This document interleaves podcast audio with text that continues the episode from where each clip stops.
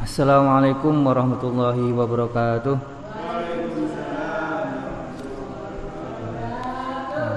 Bismillah, Alhamdulillah, wassalatu wassalamu ala rasulillah Wa ala alihi wa mawalah La hawla wa la quwata illa billah amma ba'du. Allahumma faqihna fiddin wa alimna ta'wil. Rabbi syrah li sudri wa yassir li amri Wahlul 'uqdatam min lisani yafqahu qawli La Nabi Mustafa sallallahu alaihi wasallam wa ala alihi wa sahbihi wa auladi wa dzurriyyatihi thumma ila hadrati iwanihi mil anbiya wal mursalin wal awliya wa syuhada was salihin. Fas sahabati wat tabi'in wal ulamil amin wal musannifil mukhlisin wa jamil malaikatil muqarrabin wa qustan ila masyayikhina wa masyayi masyayikhina wa asatidatina wa asatidati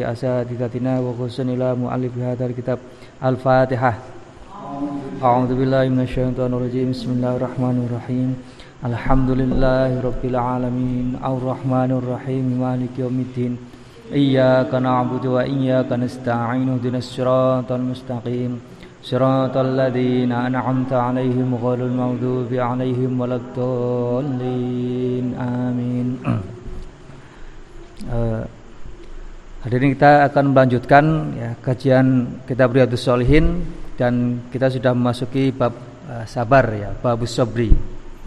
Jadi sabar itu kalau secara harfiah atau secara makna itu artinya bertahan dalam keadaan yang tidak menyenangkan ya. Jadi bertahan dalam keadaan yang tidak menyenangkan uh, dan tidak melakukan hal-hal yang yang dianggap buruk gitu ya. Jadi kuncinya bertahan uh, terus uh, menghadapi masalah gitu ya masalah yang yang yang menimpa itu dihadapi ya, dan berusaha selamat dari masalah itu. Dan cara menghadapinya seperti itu ya bertahan dan tidak mengeluh lah gampangnya ya. Mengeluhkan hal yang buruk ya. Mengeluh atau eh, depresi dan sebagainya. Nah kalau kita sudah melewati hal-hal yang tidak menyenangkan itu ya maka kita artinya artinya kita sudah bisa melewati sabar fase sabar itu ya. Jadi kunci, kunci, kunci sabar itu bertahan ya. Bertahan menghadapi masalah. Uh, bisa. Uh, kemarin kita sudah membaca dalil-dalil Al-Quran dari sabar. Nah kita masuk ke hadisnya. Ya. Bismillahirrahmanirrahim wa an abi malikin al harith bin asim al ashari saking abi malik harith bin asim al ashari radhiyallahu muga-muga paring ridho sapa Allah Gusti Allah anhu saking uh, Malik bin Malik al Harith bin Asim al Ashari. Kala wis ngucap sapa Malik al Harith al Ashari. Kala wis dawuh sapa Rasulullah Gusti Rasul sallallahu alaihi wasallam At-tuhuru utawi sesuci, bersuci. Iku syatrul imani setengah iman ya. Jadi bersuci itu sebagian dari iman ya. Maksudnya pahala dari bersuci gitu ya. Wudu eh, atau pokoknya menghilangkan hadas kecil maupun hadas besar ya, wudu terus apa mandi, mandi besar ya itu pahalanya maksimal itu setengah dari keimanan ya. Pahalanya setengah dari keimanan ya. Jadi kalau misalkan keimanan itu 100% ya 100% memuat pahala, maka 50%-nya itu dibagi untuk kegiatan bersuci itu ya, menghilangkan hadas besar, hadas kecil ya. Tapi ada juga ulama yang mengatakan al iman di sini atau huruf syatrul iman ada yang mengatakan iman di sini mananya sholat ya sembayang ya. Jadi bersuci seperti wudhu ya itu sebagian dari sholat ya. Jadi e, salah satu syarat sahnya sholat kan bersuci gitu harus wudhu ya. Nah kalau e, sholat tanpa wudhu yang nggak sah ya sebab e, separuh sholat itu ya e, ada di wudhu itu ya. At-tuhuru syatrul iman bersuci itu sebagian dari iman atau bersuci sebagian dari sholat bagian dari sholat ya tanpa wudhu sholat itu tidak sah. Bersuci sebenarnya. Jadi sholat syarat, syarat sholat itu bukan wudhu tapi suci. Jadi misalkan kita habis maghrib wudhu terus masuk sholat isya kalau masih suci belum batal ya nggak nggak perlu wudhu gitu ya. Kalau mau wudhu sunnah hukumnya bukan wajib ya. Sebab e, masih suci belum batal. Nah itu. Walhamdu walhamdulillahi utawi kalimat atau lafat alhamdulillah iku tamlau ngebak-ngebaki apa alhamdulillah al mizana ing timbangan timbangan amal ya. jadi kalau kita sering mengucapkan alhamdulillah dengan alhamdulillah maka timbangan amal kita di akhirat akan akan penuh oleh alhamdulillah itu ya kalau timbangannya timbangan amal baiknya penuh ya jaminannya ke surga ya, gitu jadi dengan membaca, banyak membaca zikir alhamdulillah maka peluang untuk masuk ke surganya itu lebih mudah gitu ya. Wa subhanallahi utawi subhanallah walhamdulillahi lan alhamdulillah. Kalau tadi cuma zikir alhamdulillah, kalau ini zikir subhanallah walhamdulillah. Iku tamlaani ngebak-ngebaki apa subhanallah walhamdulillah. Au tamla'a utawa ngebaki ya, apa kalimat ma ing barang bainas samawati ing dalam antarane piro-piro langit wal ardi lan bumi. Subhanallah walhamdulillah. Subhanallah itu kan artinya biasa diterjemahkan maha suci Allah. Itu artinya kita mensucikan Allah dari segala sifat kurang sifat kurang sifat yang la, tidak layak bagi Allah. Jadi ketika kita mengucapkan subhanallah kita sedang mensucikan Allah dari segala sifat yang tidak layak bagi Allah ya. Misalkan kalau manusia itu kan butuh tidur, butuh makan, ya, butuh punya pasangan dan sebagainya. Nah, kalau Allah, Allah itu tidak butuh makan, tidak butuh tidur, tidak butuh tidur, tidak butuh pasangan.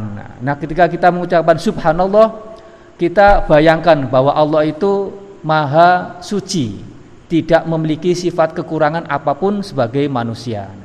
Nah, kalau alhamdulillah itu artinya segala puji bagi Allah. Artinya Allah itu sempurna, e, tidak memiliki kekurangan. Kalau subhanallah itu meyakini bahwa Allah tidak punya kekurangan. Kalau alhamdulillah itu pemahamannya meyakini bahwa Allah itu sempurna. Ya. Kalau kita kan biasa kalau dalam urusan manusia gitu, kita kan memuji sesuatu yang dianggap menajubkan buat kita gitu kan. Yang sempurna yang tidak ada cacat. Nah jadi subhanallah walhamdulillah ini menjadi pasangan ya. E, ketika kita mengucapkan subhanallah alhamdulillah kita meyakini bahwa Allah itu tidak memiliki kekurangan sama sekali. Sekaligus Allah itu maha sempurna ya, gitu. Wassolatu utawi solat ya, iku nurun cahaya Wasodaqatu utawi sedekah iku burhanun dadi hujah, dadi dalil. Wasobru utawi sabar iku diaun sinar. Nah, tadi ini sedekah dulu ini. Wasodaqatu burhanun. Sedekah itu bisa menjadi dalil. Nah, maksudnya ketika nanti kita di akhirat kelak ya, kita akan ditanya nanti kan kita dihisap itu, ditanya ya.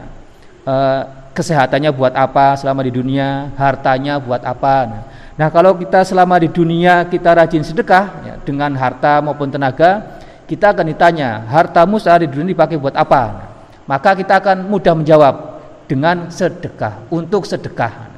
Nah, jadi kita punya argumen ketika atau punya jawaban ketika ditanya oleh Allah di akhirat ya e, hartamu untuk apa saat di dunia ya. Kalau kita rajin sedekah maka kita akan menjawab hartanya itu untuk sedekah. Nah itu maksudnya. Jadi sedekah itu sebagai dalil ya. Ya sedekah yang macam-macam ya. Bisa dengan harta, dengan uang ya, uang cash ya atau misalkan ngasih makanan ya atau misalkan punya mobil ya, tetangganya lagi butuh ya dipinjemin itu kan bagian dari dari sedekah gitu ya memberikan kebaikan kepada orang lain dengan apa yang kita miliki dan tidak dimiliki oleh orang lain itu. Nah itu sedekah itu menjadi dalil hujah. Nah ini wassolatu nurun wasobru diaun. Jadi sholat itu seperti cahaya, sementara sabar itu seperti sinar matahari. Jadi di Al-Quran kan ada walladhi ja'ala syamsa diya'an wal komaro nuron. Jadi Allah itu yang menjadikan matahari itu diaan. Diaan itu tadi bersinar Dian itu artinya bersinar. Wal komaro nuron. Nur itu artinya cahaya. Jadi matahari itu bersinar, bulan itu bercahaya. Nah, bedanya sinar dan cahaya seperti itu. Jadi sinar itu e, sumbernya ada sumber panasnya, itu namanya sinar. Api bersinar. Lampu itu bersinar, jadi ada sumbernya. Kalau cahaya itu tidak ada sumbernya, dia cuma memantulkan saja. Nah, kayak bulan ini kan dia tidak memancarkan cahaya dari dirinya sendiri kan, e, pantulan dari matahari maka dia bercahaya. Nah, kenapa? Nah, jadi matahari bersinar, bulan bercahaya. Nah, kenapa sholat itu diibaratkan dengan cahaya? Dan kenapa sabar diibaratkan dengan sinar? Jadi sabar itu seperti sinar matahari, sholat itu seperti cahaya bulan. Tadi minggu lalu kan ada ibu-ibu yang bilang ya, kalau sabar itu angel ya sabar itu angel, memang angel. Seperti seperti cahaya sinar matahari. Coba kalau kita mungkin yang para petani ini bisa ngalami kalau jam 10, jam 11 di tengah sawah itu lagi nandur atau lagi apa itu kan pasti ngerasain luar biasa panasnya itu kan. Sengatannya luar biasa apalagi kalau lagi nggak mendung, lagi musim kemarau gitu. Itu kan panas luar biasa. Atau ada yang kita jam 7 jam 8 berjemur ada kalau itu kan sebenarnya cahayanya masih anget-anget kan. Tapi kalau semakin lama kan semakin ngerasain gerah ngerasain panasnya gitu ya. Apalagi misalkan berdiri di tengah siang bolong gitu. Nah sabar itu seperti itu. Panas dan apa e, tidak enak. Walaupun panas dan tidak enak tapi hasil sabar itu akan apa kalau dalam bahasa pepatah itu asobru kasibri murun fi madzakotihi lakin awakibuhu ahla minal asali ya. Jadi sabar itu kayak obat pahit kayak obat pahit. Tapi hasil sabar itu lebih manis daripada madu. Atau mungkin bahasa yang lebih enak itu eh, sabar itu lebih pahit dari empedu. Tapi hasilnya akibatnya lebih manis dari madu. Nah, itu sabar ya. Kayak kita misalnya jemur pagi-pagi sinar matahari itu kan panas gitu ya, enggak enggak nggak enak lah karena gerah dan sebagainya tapi kan bisa menguatkan imun tubuh kan. Nah itu sabar ya. Apa namanya? Makanya sabar itu diibaratkan dengan cahaya matahari yang bikin panas tidak enak tidak uh, ya tidak enak pokoknya tidak nyaman. Tapi kalau kita bisa melewati sabar itu ya bisa melewati ketidaknyamanan itu maka kita akan mendapatkan hasil yang bermanfaat hasil yang menguntungkan. Itu sabar. Nah sekarang sholat. Wassolatu nurun. Kalau sholat itu ibarat cahaya bulan. Cahaya bulan. Nah tadi itu sabar ya. Jadi sabar itu ibarat cahaya sinar. Ibarat sinar matahari. Yang bikin panas bikin gerah bikin gak betah. Tapi kalau kita kuat bertahan itu akan manfaatnya jauh lebih besar Nah kalau salat itu ibarat cahaya bulan, bulan purnama. Nah kalau zaman sekarang mungkin sudah tidak relevan ya. Kalau zaman dulu sebelum ada listrik, nah itu kan bulan pasti eh, apa akan menerangi gitu ya. Terangnya itu kerasa gitu. Kalau zaman sekarang kan banyak lampu, walaupun eh, lagi purnama ya sinarnya dianggap kalah gitulah sama tiang-tiang listrik, lampu-lampu tiang listrik dan sebagainya. Nah, jadi kita bayangan bayangan saja kalau sekarang ini belum ada listrik gitu kan. Jadi sholat itu ibarat cahaya bulan. Apa maksudnya? Jadi di ayat sebelumnya kan disebutkan ya dalil Al-Qur'an dari sabar, wasta'inu bisobri wassolati. Jadi minta minta tolonglah kepada Allah dengan sabar dan sholat. Minta pertolongan pertama dengan sabar. Sabar artinya bertahan. Kalau kita menghadapi masalah, maka kita harus bertahan kalau pengen selamat dari masalah itu. Bertahan dalam keadaan yang tidak enak ya. itu dengan sabar secara lahiriah. Kemudian minta tolong juga dengan sholat. Ya. sholat itu seperti cahaya bulan di malam hari. Sudah pasti malam hari ya kalau siang kan nggak ada cahaya bulan ya. seperti cahaya bulan di malam hari. Apa maksudnya? Itu menerangi jalan. Iya kan? Ya kita bayangkan nggak ada listrik ya malam-malam ya, cahaya purnama masih di bulat-bulatnya itu masih sempurna itu kan pasti jalan akan lebih terang ya kita jalan ya kelihatan ada mungkin ada kayu, ada kotoran, ada kotoran hewan itu akan kelihatan dengan cahaya bulan itu. Nah, sholat seperti itu. Sholat kalau kita lakukan dengan benar-benar itu akan menjadi cahaya petunjuk. Ya. Cahaya petunjuk. Nah itu maknanya wassolatu nurun. Sholat itu seperti cahaya ya. Maksudnya dia bisa memberikan petunjuk kepada kita ketika ada masalah ya. Mana e, keputusan yang harus dilakukan, mana keputusan yang harus dihindari ya. Nah itu dengan sholat bisa dicapai dengan seperti itu. Terutama ketika menghadapi masalah ya. Maka ketika menghadapi masalah kita bukan cuma bersabar secara fisik saja ya, bukan cuma bertahan menghadapi masalah, tapi juga minta petunjuk kepada Allah agar bisa melewati masalah itu, agar bisa diberi jalan keluar. Caranya apa? Dengan sholat. Ya, dengan sholat minta minta ketenangan batin, ketenangan pikiran. Kalau pikiran dan hati sudah tenang, ya akan muncul, akan mudah muncul solusi-solusi gitu ya, jalan keluar jalan keluar ya kan jalan keluar, jalan keluar solusi itu nggak akan keluar nggak akan muncul kalau pikiran kita masih suntuk kalau hati kita masih masih keruh gitu ya. Nah itu. Makanya Nabi itu juga ketika menghadapi masalah gitu ya dia beliau akan sholat ya. Idza hasabahu amrun bada badaro ila sholat ya. jadi kalau Nabi itu menghadapi masalah yang pelik yang menurut beliau berat beliau akan sholat minta petunjuk minta jalan keluar Nah itu ya. Wassalatu nurun wasobru diaun ya. ada kaitannya dengan tadi wasta'inu bisobri wassalat ya. Mintalah pertolongan kepada Allah dengan sabar dan sholat sabar itu seperti uh, sinar matahari. Kalau sholat itu ibarat cahaya bulan yang memberikan petunjuk. Nah itu. Wal Qur'anu utawi Qur'an ya, iku hujjatun dadi dadi konco laka alaika. Jadi teman yang menolong kalian di akhirat nanti. Au alaika atau menjadi musuh. Atau jadi musuh alaika ing atasnya sironya jadi Al-Quran firman Allah itu bisa menjadi teman bisa juga menjadi musuh ya, di akhirat nanti. Selama tergantung bagaimana kita memperlakukan Al-Quran ketika di dunia ya. Kalau kita misalkan mengamalkan isi Al-Quran atau membaca lah paling enggak. Membaca, mengamalkan ya. Kelak Al-Quran akan menjadi teman akan menjadi penolong kita di, di akhirat ya. Meskipun tidak tahu artinya ya. Asal baca, asal kita meyakini bahwa itu firman Allah gitu ya. Soal kemampuan memahami itu kan soal kemampuan masing-masing gitu kan Bu ya. Soal kemampuan masing-masing. Makanya kan kalau kita kan nggak cuma ngaji sendiri kan ngaji ya seperti ini gitu ya. Dengan ngaji seperti ini kan akan mendapatkan penjelasan-penjelasan yang mungkin tidak kita pahami dari Al-Qur'an yang mungkin setiap hari kita baca kan ya. Jadi makanya kita tidak cukup ngaji di rumah sendiri saja ya. Maka perlu itu ngadiri kayak malam Rabu ya pengajian-pengajian ya.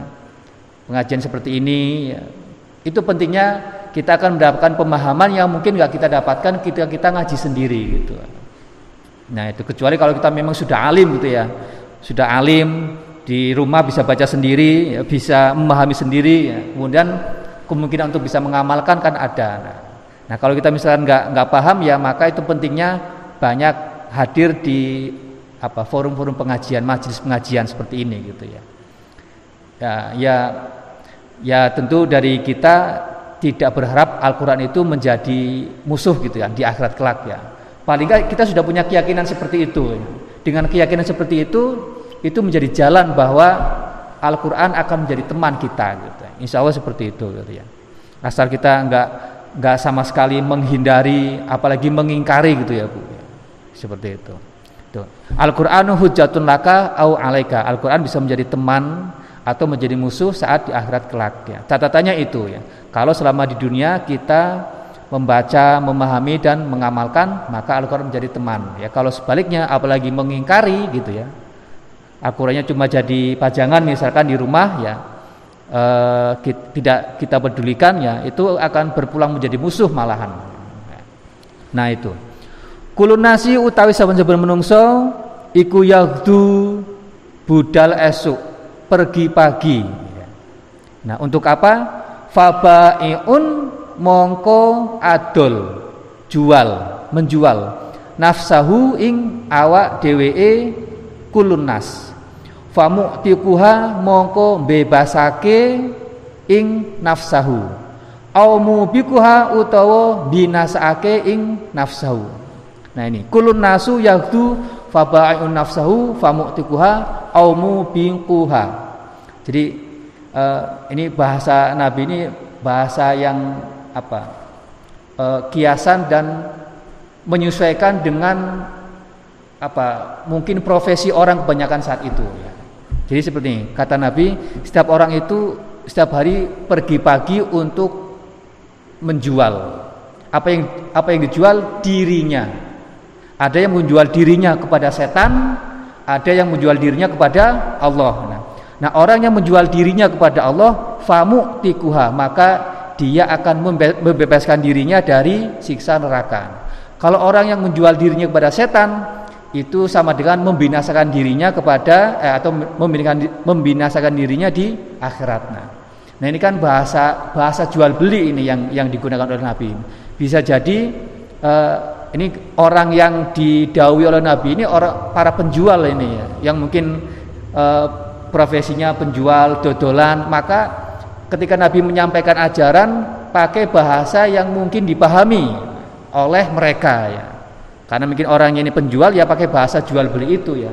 Jadi setiap hari manusia itu pergi pagi untuk jualan.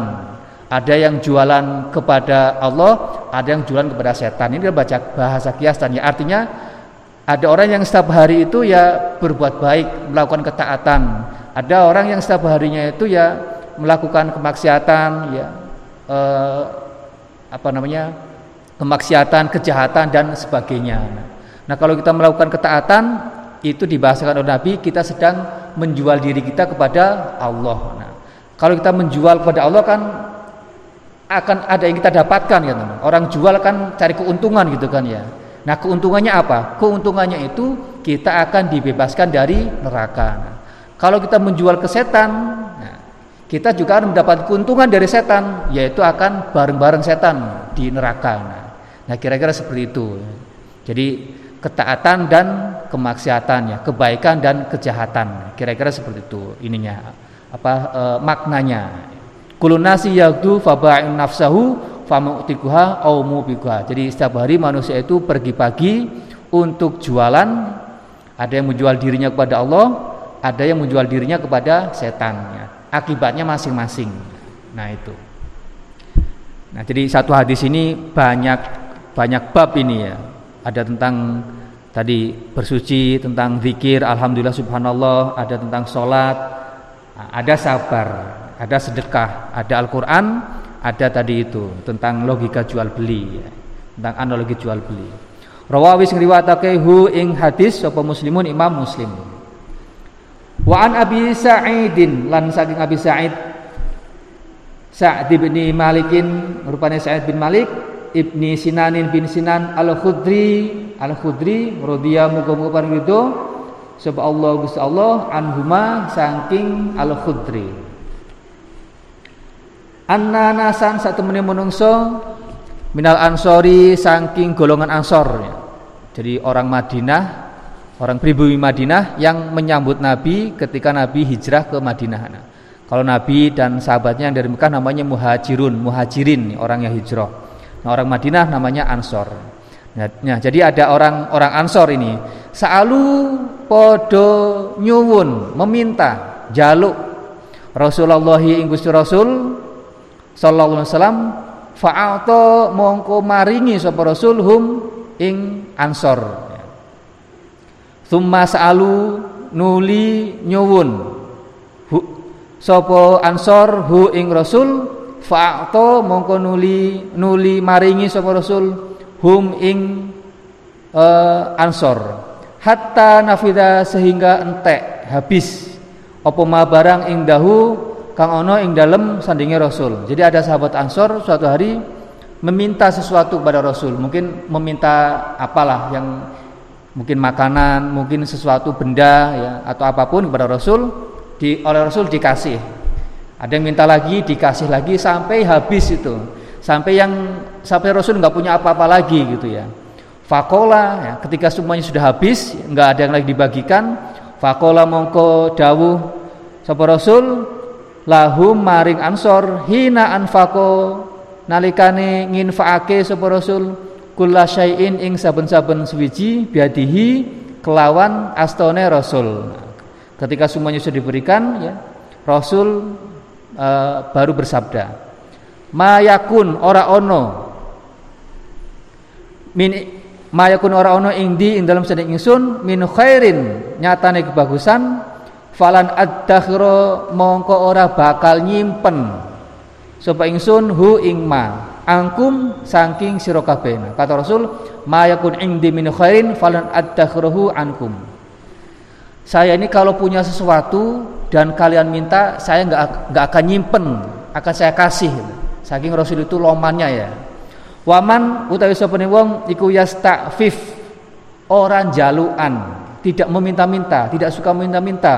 Sapa man yu'ifa mongko bakal nyukupi Yu'ifa mongko bakal nyukupi atau menjadikan tidak meminta-minta sapa hu ingman sapa Allahu Gusti Allah. Nah, ini bagusnya Rasul, Bu ya. Jadi Rasul itu sebenarnya nggak suka kalau diminta-minta atau paling enggak eh, tidak menyarankan orang meminta-minta. Tapi ketika ada orang minta, Rasul ya kasih gitu, Bu. Rasul kasih. Bisa jadi orang ini nggak tahu kalau misalkan meminta-minta itu nggak baik. Tapi prinsipnya Rasul kasih dulu. Nih, nih, nih. Minta apa? Kasih, kasih sampai Rasul sudah nggak punya lagi. Nah, begitu sudah dikasih, Rasul nggak punya, baru dinasehati. Baru dinasehati. Saya ini kalau seandainya saya punya, bakal saya kasih, nggak akan saya simpan sendiri. Tapi Allah itu e, lebih suka kepada orang yang apa? nggak suka minta, minta. Ya. Menyenangi orang yang nggak suka minta, minta. Baru dinasehati bukan kemudian ketika ada orang minta ditolak dulu itu langsung ditolak kemudian dinasehati itu ya. Nanti orangnya balas itu saya ini nggak butuh nasihat saya ini minta apa yang kamu punya gitu ya. Jadi ini cerita Rasul dan bijaksananya Rasulnya. Jadi kasih dulu baru dikasih nasihat. Jadi nasihat itu masuk bu nasihatnya. Nasihatnya masuk ke hati ke pikiran. Karena sudah di sudah di apa? Dilulu dulu ini dikasih dulu kemudian dia tenang baru dikasih nasihati. Meminta-minta itu tidak dianjurkan nggak baik. Allah lebih suka kepada orang yang nggak suka minta minta. Kalau orang dinasihati seperti itu kan akan lega kan karena merasa sudah dikasih ya.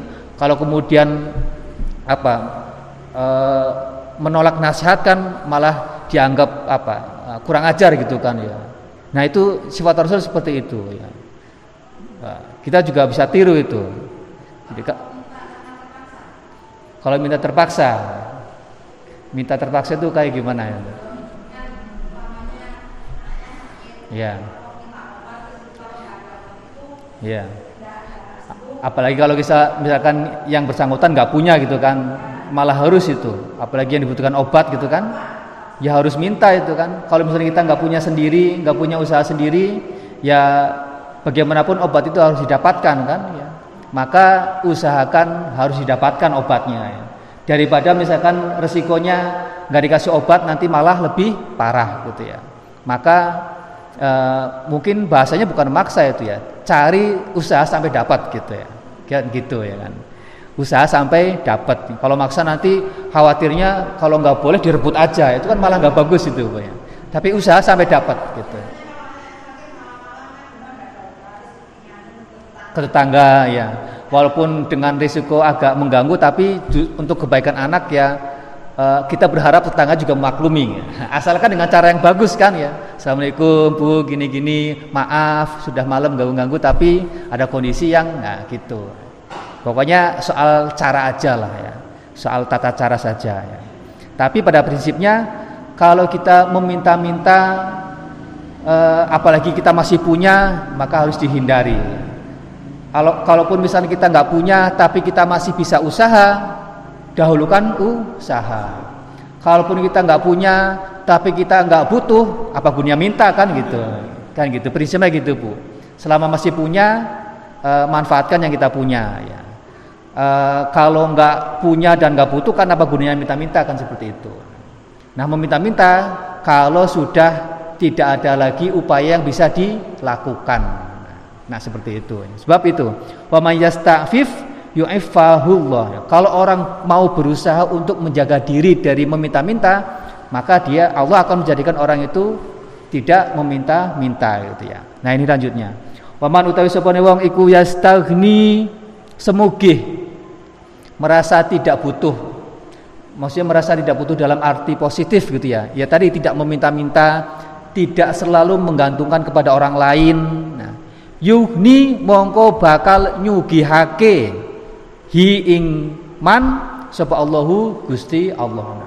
Nah, kalau kita punya sifat seperti itu ya, berusaha memenuhi semuanya sendiri, maka Allah akan membuat kita menjadi orang yang cukup.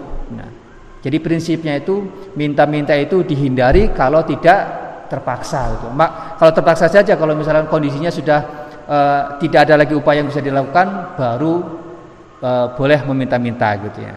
Kalau mungkin sahabat Ansor ini kan meminta-minta karena mungkin melihat oh Rasul punya ini, punya itu, ah coba minta aja lah gitu ya. Iseng minta gitu ya. Rasul kasih aja gitu ya. Walaupun mungkin sebenarnya seandainya nggak minta atau nggak dikasih pun nggak apa-apa, nggak masalah dengan orang-orang Ansor ini. Ya. Jadi seperti itu ya. Wa yastagni orang yang eh, apa mempunyai sifat untuk selalu merasa butuh dan menghindar meminta-minta, maka Allah akan jadikan orang itu cukup, ya, cukup dengan kebutuhannya. Waman utawi sopone wong iku yata sobar. Uh, yata sobar itu berupaya sabar, berupaya sabar. Yusobir mongko bakalnya barake hu ingman sopa Allahu Gusti Allah. Makanya sabar ini diupayakan ya, tidak datang sendiri gitu ya. Ya, nanti banyak cerita-cerita tentang tentang sabar gitu. Nggak tahu di bab berikutnya ada nggak cerita tentang seorang ibu-ibu ya. Dia di kuburan, di kuburan nangis-nangis gitu ya. Kemudian Rasul lewat dinasehati yang kira-kira yang sabar, yang sabar gitu ya. Tapi si ibu ini mungkin karena lagi sedih, uh, anu balas, ya, kamu tuh nggak tahu kalau rasanya ditinggal anak itu kayak apa, sedihnya kayak apa gitu ya. Kemudian Rasul ya sudah mungkin karena nggak mau dinisihati orang itu pergi. Eh, Rasul pergi ninggalin ibu ini di kuburan. Setelah setelah itu kemudian dikasih tahu ada orang yang ngasih tahu bahwa e, ke orang ini ke ibu-ibu ini ibu tadi itu yang ngasih tahu itu Rasul Rasulullah yang yang yang minta ibu sabar itu Rasulullah itu. Kemudian nyesal itu. Karena tahu ternyata yang nasihati Rasulullah langsung nyamperi Rasulullah ke rumahnya. Rasul saya minta maaf tadi saya nggak tahu kalau yang tadi nasihat itu Rasul. Nasihat saya untuk sabar itu tadi Rasul saya nggak tahu gitu. Rasul kemudian mengatakan sabar itu ada di awal musibah ya. sabar itu ada di awal musibah. Begitu terkena musibah kita langsung nyetel sabarnya jadi sabar itu bukan misalnya kita sebulan setelah mengalami musibah baru kita merasakan ah saya sekarang sudah bisa sabar. Itu bukan sabar namanya Bu ya. Sabar itu ketika ya pada saat itu terkena musibah kita langsung mengupayakan sabar. Sabar tadi tadi itu ketika dinasihati ya e, menerima ya tidak mengeluh dan sebagainya. Kalau sebulan, setahun setelah ditinggal bojo nah, baru bisa sabar, baru bisa ikhlas, bukan sabar itu namanya. Atau ditinggal anak dan sebagainya ya. Itu ya mungkin namanya sabar tapi sudah sah sabarnya waktunya sudah tidak sesuai lagi untuk disebut sabar yang utama sabar kan pasangannya musibah nih. kalau misalkan sesuatu yang dianggap musibah sudah lewat baru kita nyebut sabar ya nggak cocok pasangannya itu kan ya jadi gitu sabar itu harus diupayakan ya. kenapa harus diupayakan sebab sabar yang utama itu ketika pas lagi ngalami musibah, bukan musibahnya sudah lewat baru kita bilang sabar. Nah, nah itu. Wa may yatasabar yusabbirhullah. Nah, orang yang mau berusaha sabar, maka ya Allah akan menjadikan orang itu sabar ya. Wa ma utiya wa ma utiya wa ma utialan ora den paringi sapa ahadun wong suwiji atau an ing peparingan ya pemberian khairon kang luwih bagus wa ausa'alan luwih luwih luas minasobri saking sabarnya. Tidak ada yang lebih baik ketika orang mampu bersabar. Tidak ada yang lebih baik ketika orang diberi kesabaran, terutama ketika ditimpa musibah. Jadi ketika orang ditimpa musibah itu kan e, pasti hal paling utama kan sedih gitu ya, sedih. Nah kalau sedihnya nggak terkontrol, itu malah akan menjadikan bahaya itu, menjadikan mental nggak terkendali, pikiran terganggu. Ya.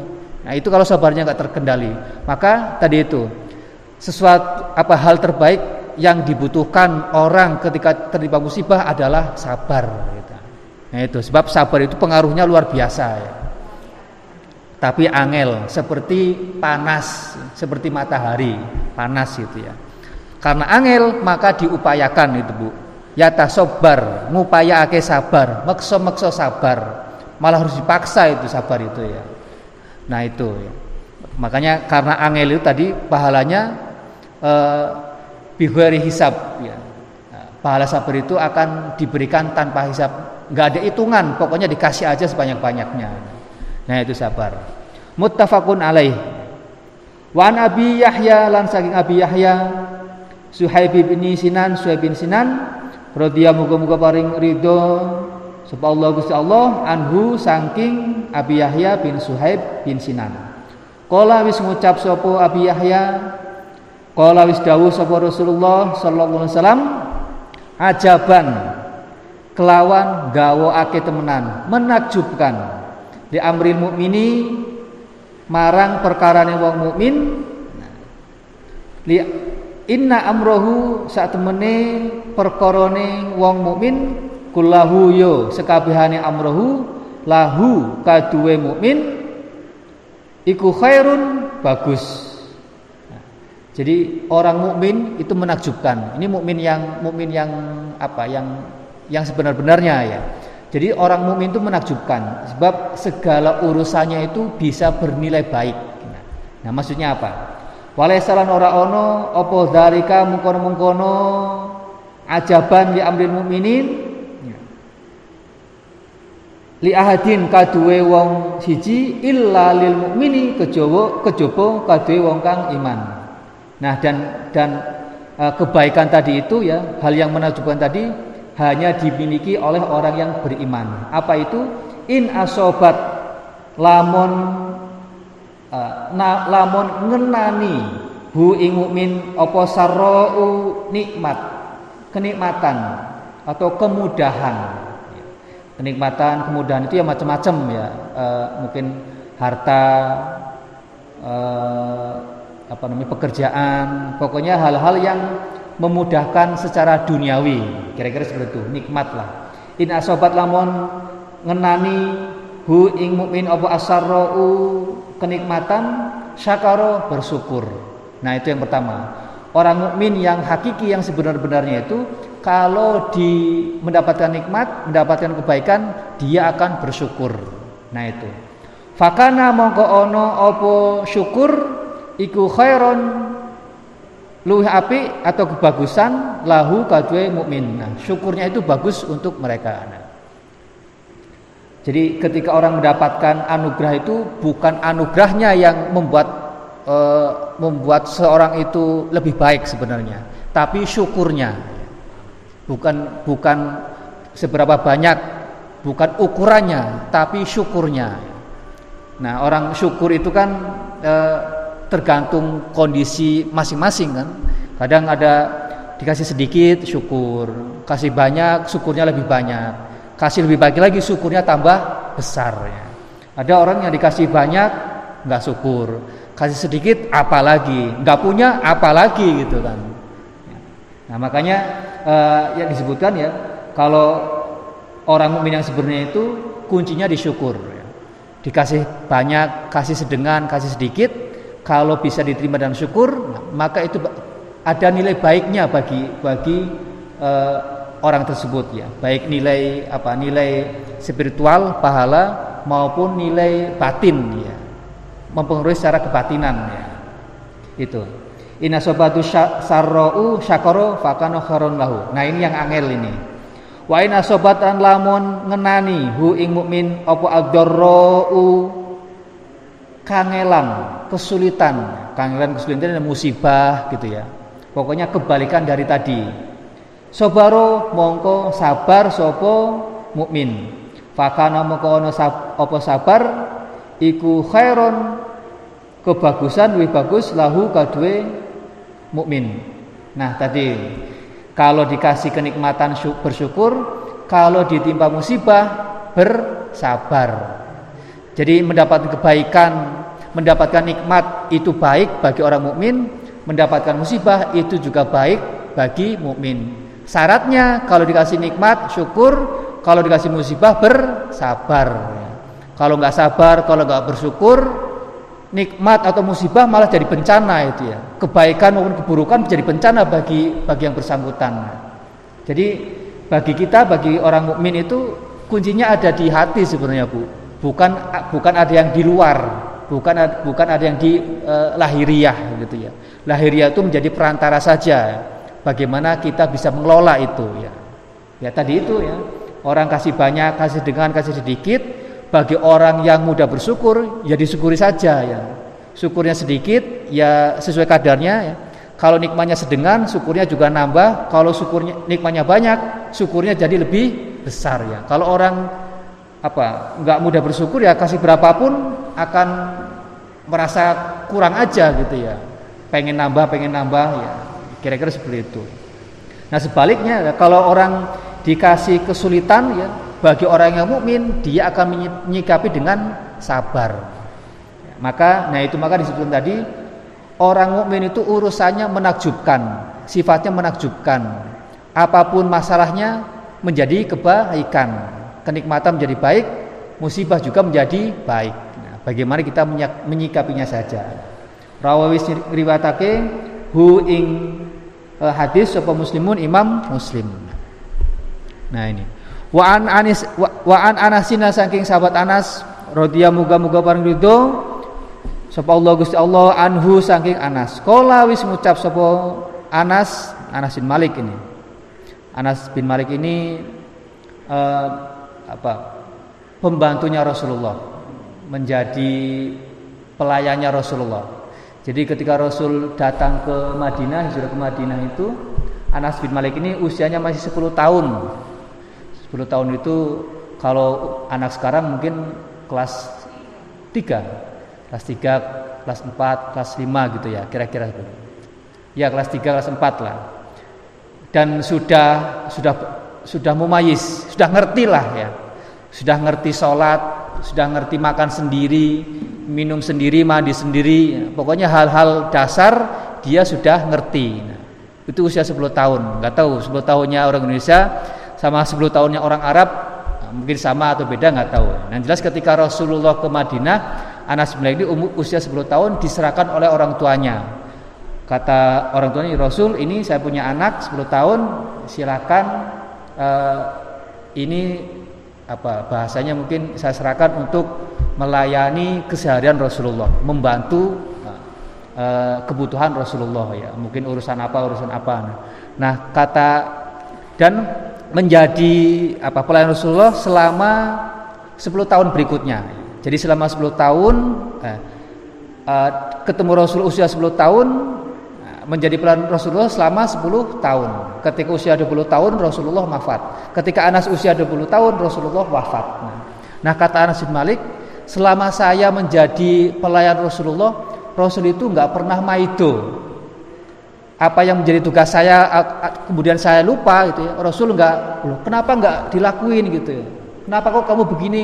Kenapa begitu? Rasul nggak pernah seperti itu. Nah, itu saking apa baiknya Rasulullah apa namanya memperlakukan pembantu pelayan ya, atau siapa pun ya. Apalagi Anas yang masih kecil nah. Ini Anas bin Malik ini. Wan Anas Wan Anasin radhiyallahu anhu kola lama sakula tatkalane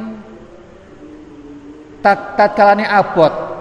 Maksudnya ini apa Rasul sudah sak, sedang sakit ini. Sakit berat. Sakit berat uh, yang menyebabkan Rasul wafat. Jadi ini kisah tentang Rasulullah sakit yang kemudian beliau wafat. Lama sakula tatkalane abot opo larane Rasul atau abot larane Rasul. Sopan nabi nabi ya, ketika nabi sudah merasakan berat ya, sakit ya, sakitnya sudah berat mendekati wafat ja'ala dadiake ja'ala tumandang sapa rasul iku ya taghasya nutupi hu ing rasul apa al karbu kesusahan kangelan ya. jadi ini Lama sakla nabiyu ja'ala yataghasya hu al-karbu al-karbu. Ini salah satu apa keutamaan Rasul. Salah satu keutamaan yang membuat kita sedih bagi Rasul ya, bagi kita ya. Untuk Rasul tidak. Jadi uh, Rasul itu ya bukan cuma Nabi Muhammad, semua Rasul itu ketika wafat itu dijadikan susah bu, berat, bukan susah karena karena apa ya, pokoknya dibikin berat dibikin merasa sakit luar biasa. Nah itu Rasul. Makanya ada ada hadis yang mengatakan asyadun nasi balaan uh, asyadu asadu, asadun nasi balaan an, al anbiya sumal aulia dan seterusnya itu. Jadi orang yang ujiannya paling berat itu para nabi termasuk Rasul. Bentuk ujiannya ketika wafat itu kondisinya susah, sulit, sakitnya luar biasa. Rasul juga seperti itu ya. Nah itu sebagai bentuk apa? Pemuliaan justru sebagai bentuk pemuliaan untuk Rasulullah. Kalau umatnya sebaliknya, kalau umatnya sebaliknya kita ini sebaliknya bu ya. Jadi mukmin yang bagus itu yang baik itu ketika meninggalnya gampang. Nah ini untuk umatnya digampangkan, dimudahkan karena kita bukan nabi bu ya. Yang gampang-gampang aja, jangan merasakan susah seperti nabi. Cukup nabi saja yang merasakan susah ketika wafat. Nah itu, itu menjadi keutamaan. Semakin berat ujian saat wafat, ya semakin tinggi derajatnya di hadapan Allah. Nah, ini Nabi seperti ini.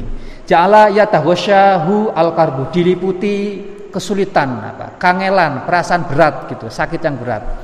Nah, saking beratnya fakolat mongko ngucap sapa Fatimah tu Fatimah ini putrinya Nabi radhiyallahu muga-muga parido sapa Allah Gusti Allah anha saking Fatimah. Apa kata Fatimah melihat abinya, abahnya lagi lagi sekarat gitu ya.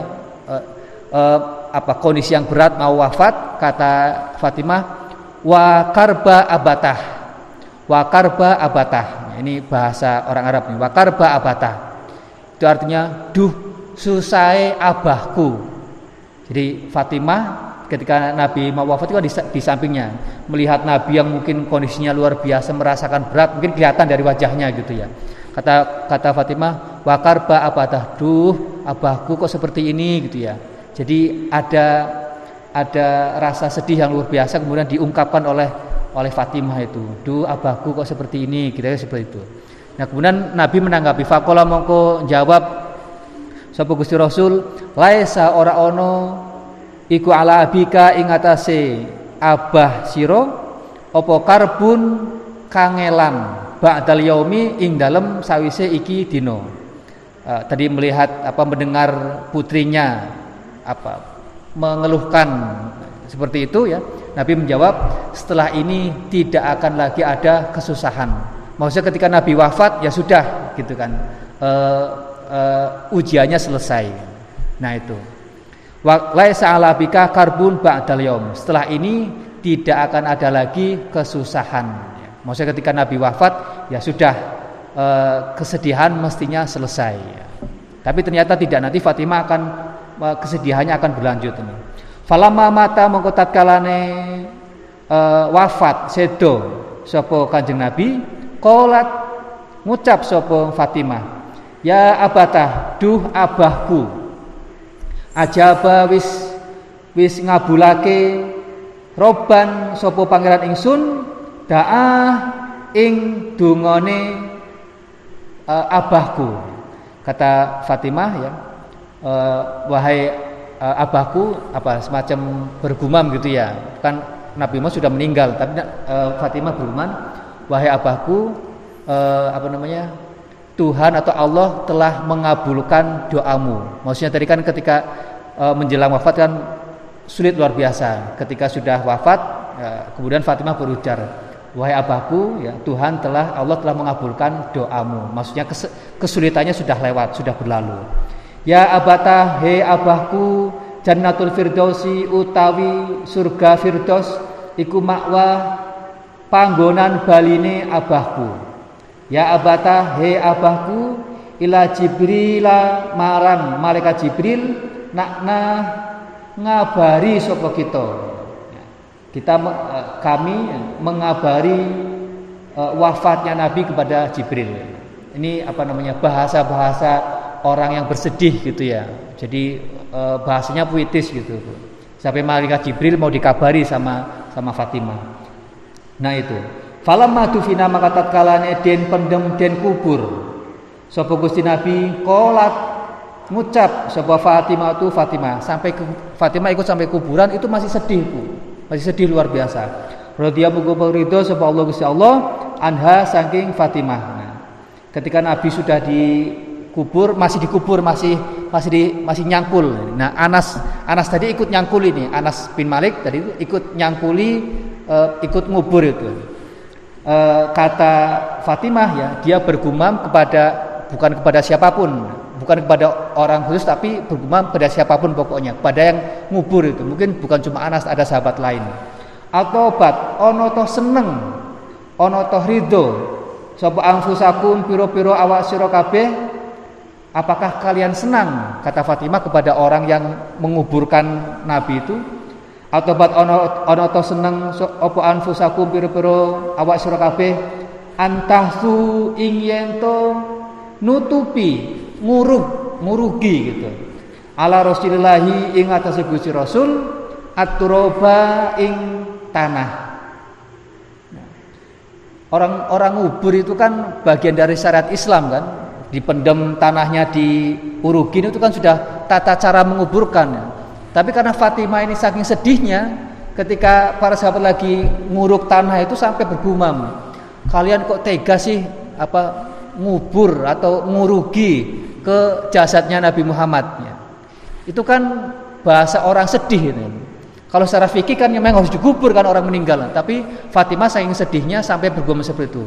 Kalian kok tega apa ngubur apa uh, ngurugi tanah ke jasad bapakku kira-kira seperti itu. Itu bahasa orang sedih, Bu ya. Bahasa orang sedih. Nah, sahabat Anas dan yang lain diam aja melihat Fatimah putrinya ini sedih seperti itu bergumam seperti itu diam aja tetap ngubur gitu ya dalam hati mungkin akan mengatakan seandainya boleh seandainya nggak ada aturannya ya kami nggak akan ngubur seperti ini. Nggak tega kami juga mengubur Rasulullah. Tapi ini sudah aturan fikihnya seperti ini. Aturan yang diajarkan Rasulullah seperti ini. Kalau ada orang meninggal ya dikubur gitu ya. Jadi Anas bin Malik dan sahabat ini diam aja ketika ada Fatimah tadi apa namanya bergumam ya sampai berpuisi gitu kalian kok tega uh, mendem bapakku? gitu ya. Namanya orang meninggal kan mesti dikubur gitu ya. Tapi Anas dan sahabat lain diam aja, sudah uh, ngubur dengan tenang ya Fatimah biarkan sedih. Jadi sedihnya Fatimah ya wajar-wajar aja. Maka ini ada sebagai dalil bahwa kalau kita uh, berduka ya boleh bersedih, boleh nangis, boleh mengucapkan kata-kata asal tidak kebelabasan, tidak kebelabasan. Nah ini Fatimah ya, Fatimah ini jadi Fatimah putri Nabi ya, satu-satunya putri Nabi yang masih hidup ketika Nabi Muhammad sudah meninggal. Jadi mungkin sudah pernah saya sampaikan itu. Jadi Nabi Muhammad kan punya tujuh anak ya. Tujuh anak yang enam dari Siti Khadijah, satu lagi dari namanya uh, siapa namanya? Dari Mesir itu namanya siapa Mas? Kipti, Maria Kiptia. Nah, enam put, enam anak Nabi itu meninggal ketika Nabi masih hidup. Kan ada tujuh itu, tiga tiga laki-laki, yang empat perempuan. Dari tujuh eh, anak Nabi ini, yang enam meninggal ketika Nabi masih hidup. Sudah bayangin bu, punya anak enam, melihat ketika anaknya lahir dilahirkan juga melihat ketika anaknya meninggal itu sedihnya pasti luar biasa itu Bu. maka itu salah satu apa cobaan Nabi ketika apa ketika hidup seperti itu ya. Jadi meninggalnya berat ketika masih hidup ditinggal anak bukan cuma anaknya bahkan cucunya. Nanti ada cerita itu Nabi ditinggal cucunya cucunya meninggal. Jadi enam putra Nabi putra putri Nabi meninggal ketika Nabi masih hidup ya. Yang masih hidup ketika Nabi wafat itu cuma, cuma Fatimah. Dan itu pun Fatimah kemudian meninggal enam bulan setelah Nabi Muhammad wafat jadi putra putri Nabi itu putra putri Nabi meninggal muda semuanya di bawah usia 20 eh, di bawah usia 30 tahun ya. yang yang tiga yang laki-laki malah masih balita semua itu dua tahun satu uh, ada namanya Kosim kemudian Abdullah Ibrahim Kosim dan uh, Abdullah itu meninggal usia 2 tahun. 2 tahun ini kan usia lucu-lucunya itu. Usia baru bisa ngomong ya. Ngomong nggak jelas tapi lucu gitu kan. Lucu-lucunya pokoknya. Itu coba Nabi sebetulnya meninggal ketika uh, masih balita. Nah, yang perempuan yang empatnya ini meninggal sudah dewasa ya. Sudah pada menikah bahkan sudah punya anak ya. Jadi sekitar usia 20-an, 20-an ke atas gitu ya. Ada yang sekitar 20-an, ada yang 25, 26, 27 kira-kira seperti itu. Jadi putra-putri Nabi itu meninggal muda semuanya. Maka kalau kita bayangkan gitu ya Bu, eh, kehidupan keluarga Nabi Muhammad ini sebenarnya eh, menjadi ujian bagi Nabi Muhammad sendiri ya. Ya, menjadi tidak utuh keluarga Nabi Muhammad tidak utuh sampai bahkan Nabi Muhammad meninggal ya. Ketika Nabi Muhammad meninggal pun uh, apa Fatimah meninggal cepat gitu ya. Nah itu cobaannya Nabi itu ya. Maka tadi disebutkan asyadun nasi balaan al anbiya ya. Uh, manusia yang uj yang cobaannya paling berat itu ya para nabi ya. Ujian nabi itu tadi ketika hidup ditinggal keluarganya, ditinggal istri, ditinggal anak, ditinggal cucu. Nah, ketika Nabi wafat, beratnya minta ampun. Nah itu ya. Bab sabar ya. Wassalamualaikum warahmatullahi wabarakatuh.